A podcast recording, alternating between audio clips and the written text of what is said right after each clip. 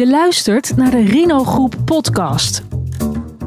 De podcast over psychologie en de mens achter de wetenschapper. Gepresenteerd door Jolie Jacobs en Jan Meijroos. Fijn dat je luistert naar de Rino Groep podcast. Vandaag bespreken we een onderwerp waar echt iedereen mee te maken krijgt. Emoties. Huilen, lachen, jaloezie, boosheid. We kennen het allemaal. De een houdt ze voor zichzelf en de ander laat de emoties vrij uit zien. Bij ons aan tafel is Ad Vingerhoets aangeschoven. Hij is emeritus hoogleraar emoties en welbevinden aan de Tilburg University. Wereldwijd staat hij ook wel bekend als de huilprofessor. En hoewel hij werkelijk alles weet over huilen, janken, grienen en waterlanders, ga ik ervan uit dat er vandaag ook nog gelachen wordt. Ja, Jan, volgens mij ligt huilen en lachen best dicht eh, bij elkaar. Ik weet niet hoe dat bij jou soms zit. Uh, nou ja, ik krijg altijd uh, te horen dat ik vrij goed mijn emoties kan uiten. Dat is ook echt wel zo. Uh, sterrenbeeld kreeft ben ik. Ik weet niet of dat er wat mee te maken heeft. Maar ik moet zeggen, ik lach heel veel. Ik zie in veel, van veel dingen de humor. Ik hou ook heel erg van een beetje absurde humor of ongemakkelijke humor. Ik, ik, kan altijd erg genieten van bijvoorbeeld een programma als Promenade op zondagavond. Maar uh, ja, je moet mij. Er is nu een serie op televisie, uh, Normal People. En daar. Uh, die krijgt overal vijf sterren. En, en daar laat ik net zo lang makkelijk mijn tranen biggelen. En dat ja. voor zo'n stoere vent als ik. Ja, joh, ongelooflijk. Echt, ik zie het ook.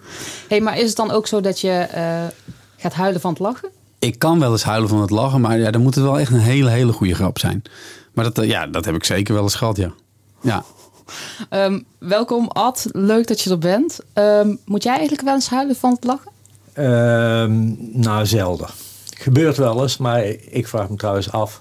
Volgens mij zijn dat uh, tranen die het uh, resultaat zijn van puur mechanische druk. Dat wordt direct geanalyseerd, Jan. Hoor je het? Ja, ja, ja. Oké, okay. hey, laten we even bij het begin beginnen. Want wat zijn emoties eigenlijk? Emoties zijn uh, geïntegreerde reacties op uh, situaties die je op de een of andere manier belangrijk voor jezelf vindt. Dat kan zijn dat, dat het gevaarlijk is, maar het kan ook zijn dat je vindt dat je status bedreigd is uh, of, of anderszins. Maar in ieder geval gaat het om situaties waarvan jij denkt van, nou, die zijn voor mij belangrijk en daar wil je zo adequaat mogelijk op reageren. Is dat gewoon vastgelegd, gecodeerd binnen de mensen? Want dieren hebben ze natuurlijk ook, maar die zetten ze weer anders in. Want heel veel mensen die, die laten hun emoties juist niet de vrije loop. Omdat het is nat dan om overal maar keihard om te lachen of te gaan huilen wanneer het je goed dunkt. Ja, nou ja, daar zit een culturele component in, zeker. Hè, van, in een bepaalde cultuur is het uh, gepast of, uh, of zelfs uh, voorgeschreven bijna om je emoties te uiten. Zeker in, in publieke context, want daar gaat het om. Hè.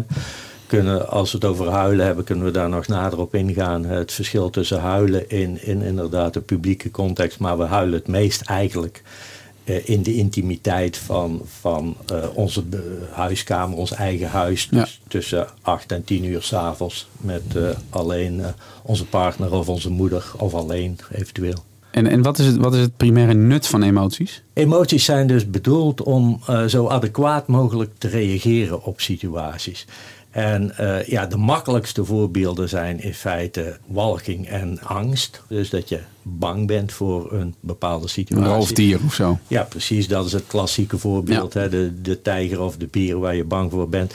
Nou, door die emotie wordt je lichaam voorbereid om, om actie te nemen. Hè? De, dus de bloedvoorziening uh, verandert. Hè. Als je bezig bent met verteren hè, van, van voedsel, dat gaat weg en dat gaat naar de spieren. Ademhaling wordt sneller, wordt energie gemobiliseerd, hartslag gaat toe, uh, toenemen. kortom, alles wordt in het werk gesteld om zo snel en adequaat mogelijk te reageren. Een ander mooi voorbeeld is walging. daarvan weten we nu dat dat primair eigenlijk een onderdeel is van wat we noemen het gedragsimmuunsysteem. En daarmee bedoelen we dat walging in feite uh, een reactie is om die voorkomt dat wij in aanraking komen met uh, zaken waar we mogelijk door besmet kunnen raken met uh, ziekteverwekkers. Nou, echt, uh, als dus lichaamsvochten, rottend vlees, afval, onhygiënische toestanden, et cetera, et cetera. Maar dit, dat noemen we toch nog steeds een emotie, walging? Jazeker. Mm. Ja. Grappig, dat zou ik zelf niet zo hebben bedacht. Maar... Geclassificeerd, nee, ik ook niet geloof ik. En wat is dan het verschil tussen emoties en gevoelens? Uh, gevoelens zijn één component van uh, emoties. Hè. Die moeten in feite binnen de psychologie bekijk je uh, emoties dan op vier niveaus. We hebben het gevoelsniveau. Maar daarnaast heb je het gedragsniveau. Hoe reageer je? Je hebt het fysiologische niveau. Hoe, reageer, hoe reageert je lichaam? En je hebt dan het, ja, wat we noemen het cognitieve niveau. Hoe beïnvloedt het je denken? Hè? Dus dus Emoties gaat over vier niveaus en ja. één daarvan is, is het gevoelsniveau. En, en, kunnen we er even één uitpikken? Bijvoorbeeld, um, nou, huilen vind ik een te grote inkopper. Laten we daar straks over hebben. Ja, huilen is ook geen emotie. ja, hè? toch? Huilen is geen emotie. Hè? De, oh ja, nee, sorry. Oh, ja, dat is een tuurlijk. emotionele reactie. Ja. Dat is een reactie. Verdrietig is dat. Verdriet is dan. Wat kunnen we, ja, nou ja, we kunnen verdriet nemen. We kunnen ook um, vreugde nemen. Laten we even, laten we even jouw uh, intro uh, in ere houden. We kunnen ook vreugde nemen. Hoe, hoe, hoe uitzicht dat op die vier niveaus? Nou ja, goed. Je, je kunt dus zeggen. Uh, nou, het gevoelsniveau is dat je je natuurlijk prettig, plezierig voelt. Mm -hmm. Het uh, uh, gedragsniveau is dat je lacht misschien, dat je naar anderen toe gaat. In het algemeen is het zo als je vrolijk bent dat je geneigd bent om contact te zoeken met anderen. Je wilt het delen met anderen. Hè? Je bent heel open. dan op je, op je cognitieve niveau er is aangetoond dat wanneer je vrolijk bent, dat je dan creatiever bent. Je gaat, nou ja, als je bijvoorbeeld.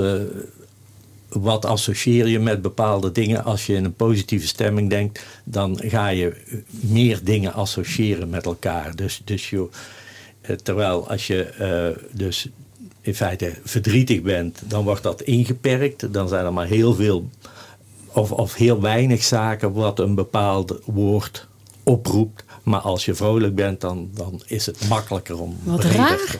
Ik dacht juist andersom, omdat ik altijd al die liefdesliedjes hoor die uit pure ellende voortkomen, zeg maar. En dan hoor je altijd gesnotter en gedoe. En dan ja. denk ik van, nou, dan, dan is dat andersom. Maar dat is dus niet zo. Nee, nee. Uh, oh.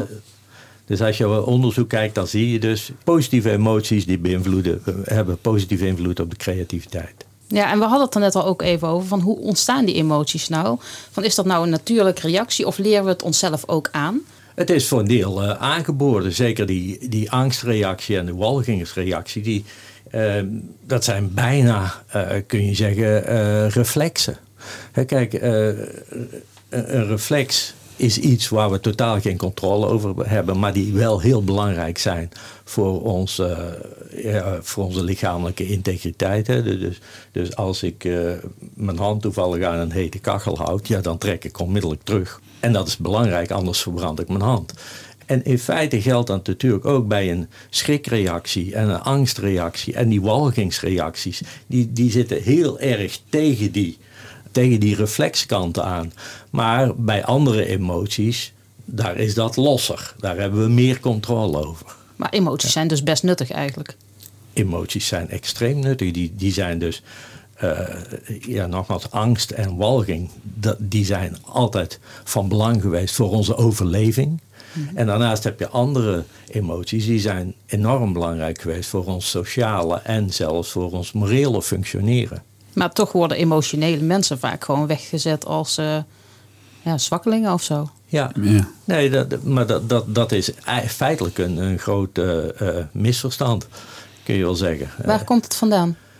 Nou ja, het, het, het is niet helemaal, het, maar het is maar de helft van het verhaal. Zo kan ik het beter zeggen. Mm-hmm.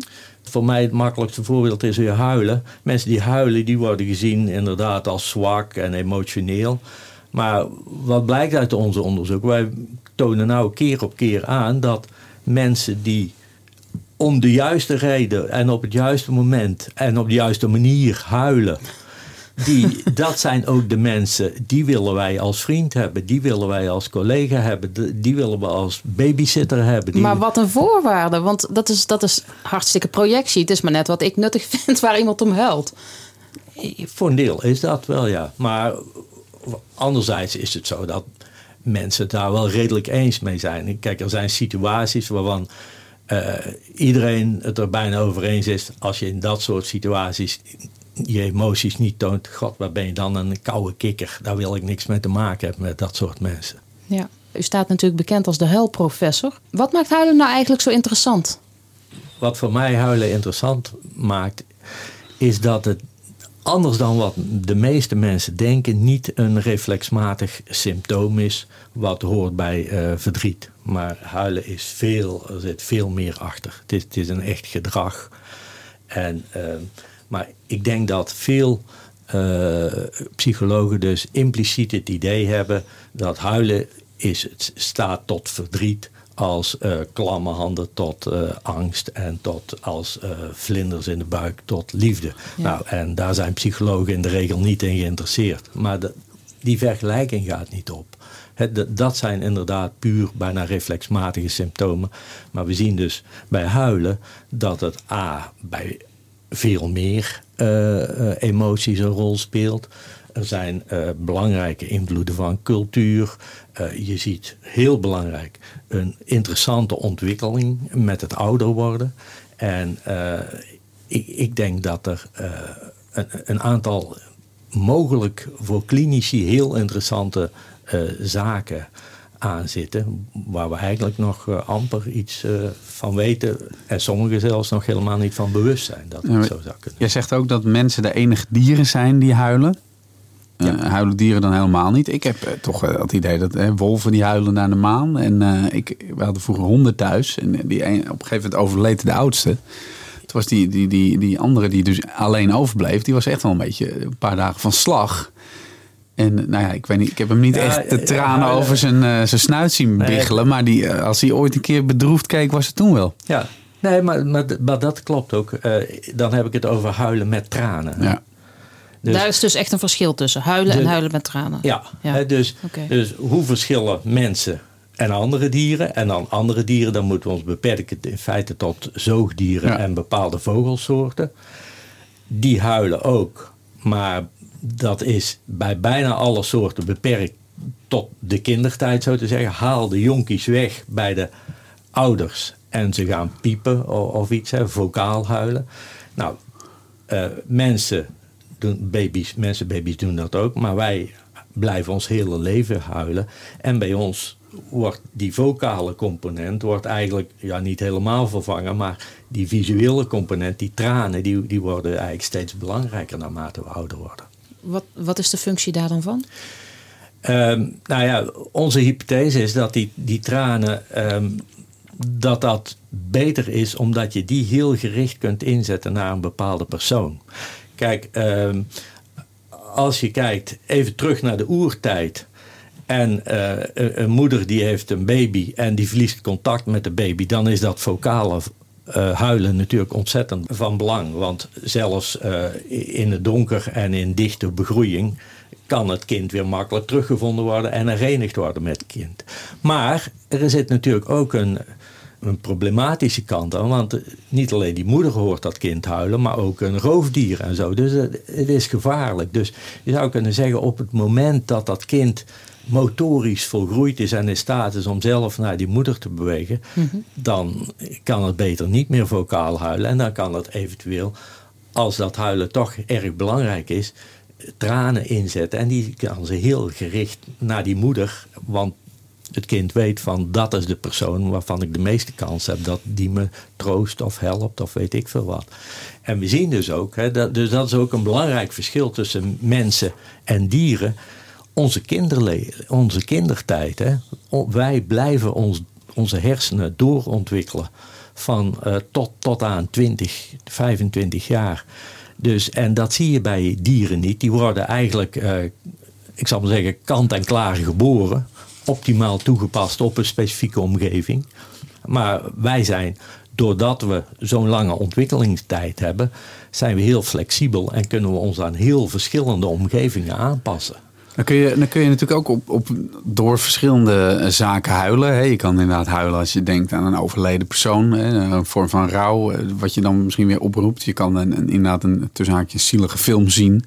Eh, waardoor je geraakt wordt. Eh, sommige mensen horen muziek, wat ze zo hartverscheurend mooi vinden. Maar je kan bijvoorbeeld ook met een hamer op je vinger uh, rammen. Dat doet zo pijn dat de tranen in je ogen schieten. Ja. Dat zijn allemaal verschillende vormen dan van huilen? Of verschillende vormen van emoties? Of?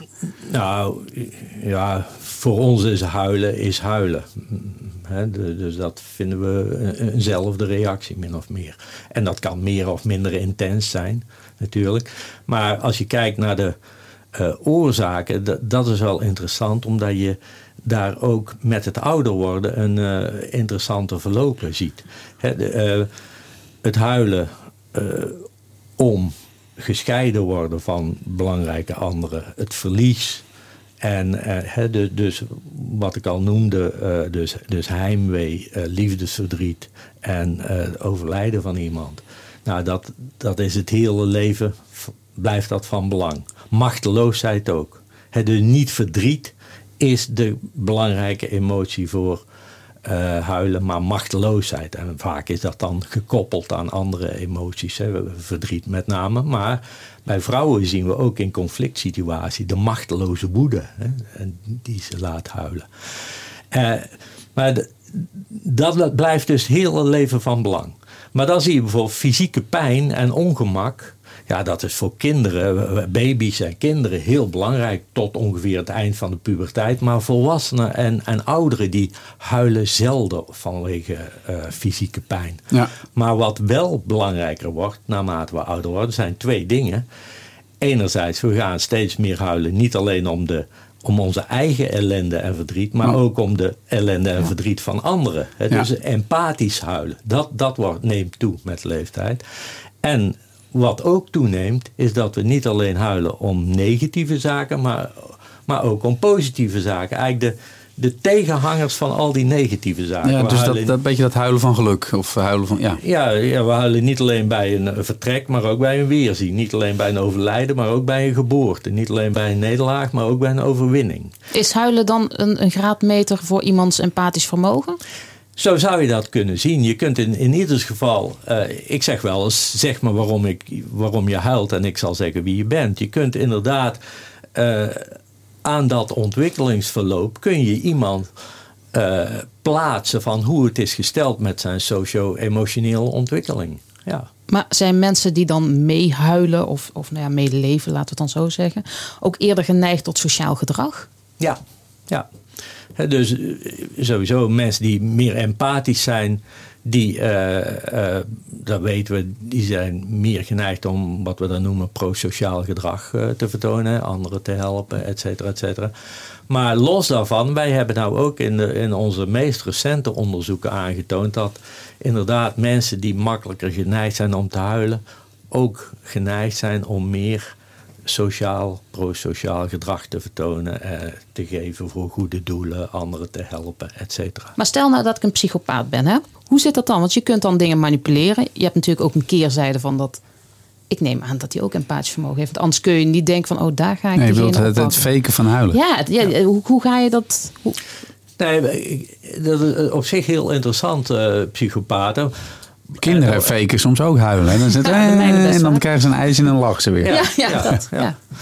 Nee, maar bij psychopaten is het zo dat een beetje een misverstand wordt vaak uh, gezegd van die kennen geen empathie. Maar je moet feitelijk onderscheid maken tussen wat wij noemen cognitieve empathie en affectieve empathie. De affectieve empathie is dat je ook echt zelf voelt wat een ander voelt. Maar cognitieve empathie is dat je kunt beredeneren wat anderen voelen. En daar zijn uh, psychopaten eigenlijk best wel goed in. Ja. En, en dat kunnen ze ook gebruiken juist om anderen te manipuleren. En dat, dat is inderdaad ook een negatieve kant van empathie. Die kun je, uh, empathie kun je natuurlijk gebruiken om als je iemand nou eens wilt verrassen als hij jarig is. Van, nou, dan denk je van ik ga me in zijn uh, uh, schoenen verplaatsen en hoe kan ik hem of haar nou blij maken. Maar op dezelfde manier kun je zeggen, hoe kan ik die hem of haar nou het meest pijn doen, het meest gemeen iets laten voelen. Ja, ook dan komt empathie goed uit.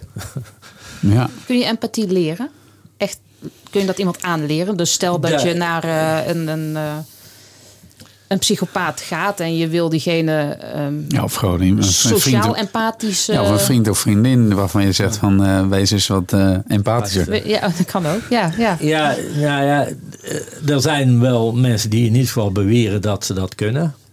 Er, er worden nog steeds eh, allerlei pogingen gedaan om, eh, om programma's te ontwikkelen. Om ook dus eh, ja, in de forensische setting, hè, dus, dus misdadigers en zo, eh, psychopaten, om die te trachten.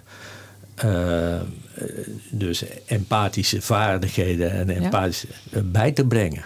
Welke onderzoeken naar emoties hebben jou recent echt verrast? Nou, de meest recente verrassingen vind ik eh, gaan over walging. Dat zijn eh, echt die nieuwe ontwikkelingen, hoe we tegenwoordig tegen walging aankijken. En we komen er ook steeds meer achter dat walging ook een belangrijke rol speelt bij, eh, ja, zeg maar, probleemgedrag en, en eh, wat we aanvankelijk alleen maar als angststoornissen zagen. Bij veel angststoornissen blijkt walging ook een rol te spelen dus. En waar je ook ontzettend veel eh, ontwi- nieuwe ontwikkelingen in ziet, dat is bij eh, PTSD. Hè? Post, post, Traumatische stressstoornis. stressstoornis. PTSS. Ja.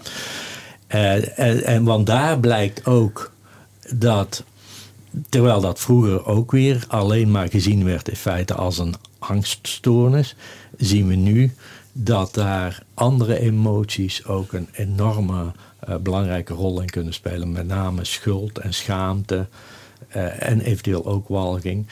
En wat je ook ziet bij eh PTSS is dat het, dat, dat, het korte lontje ook een rol speelt. En, en dat geldt met name bij veteranen. Dus Terugkomen uit- ja, het oorlogsgebied. van missies. Ja, een oorlogsgebied, ja. Maar vooral blijkbaar nog, het speelt nog meer als ze op vredesmissie zijn geweest. Dat ze dus in situaties terechtkomen waar ze in feite eh, moeten handhaven terwijl ze geen middelen hebben. Nee. En ze zien daar verschrikkelijke dingen gebeuren en ze mogen niet ingrijpen, want ze hebben geen mandaat. Eh, waardoor ze dus echt in grote morele... Blauw, blauwhelmen in Ja, eh, voormalig ja, ja. Joegoslavië bijvoorbeeld. Ja, precies. Waardoor ze in grote morele problemen komen. En dan, dat, dan krijg je dus ook het, het label PTSS. Maar eh, het is eigenlijk heel anders dan de gewone. Maar goed, als, als, als die inzichten steeds breder gedragen worden... en het eh, PTSS niet alleen een angststoornis hoeft te zijn... dan ja, wat zegt dat dan voor de huidige behandelmethode? Ja, nou ja, daar moet wel, wel aan gewerkt worden. Daar moeten aanpassingen voor komen. Ja.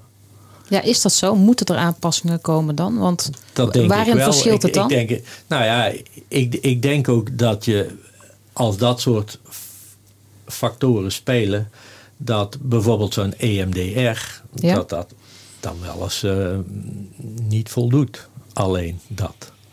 Dan zal er meer moeten gebeuren. Hè, om een voorbeeld te noemen. Ja.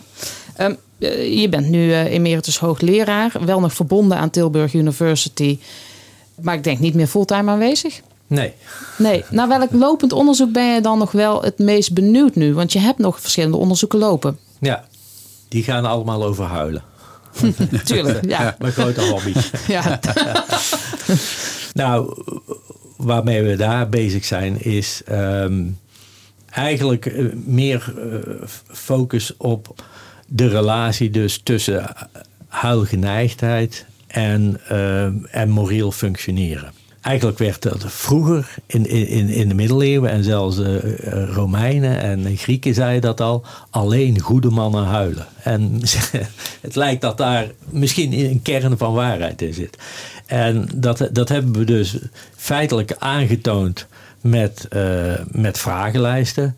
Maar dan krijg je altijd de kritiek van, ja, dat zijn maar vragenlijsten. En eh, mensen die kunnen natuurlijk eh, sociaal wenselijk invullen. De- dus daarom hebben we als ultieme test nu een onderzoek gedaan waarbij de mensen die aan dat onderzoek deelnamen, eerst dus gingen we in kaart brengen wat hun huilgeneigdheid was, of, of ze snel huilden of niet.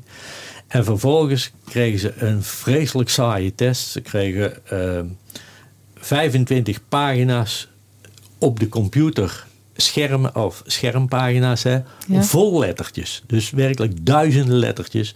En dan moesten ze twe- 200 keer de letter, kleine letter N'tje uit in opzoeken. Oh dat my dat was dus echt een afschuwelijke taak. Ja.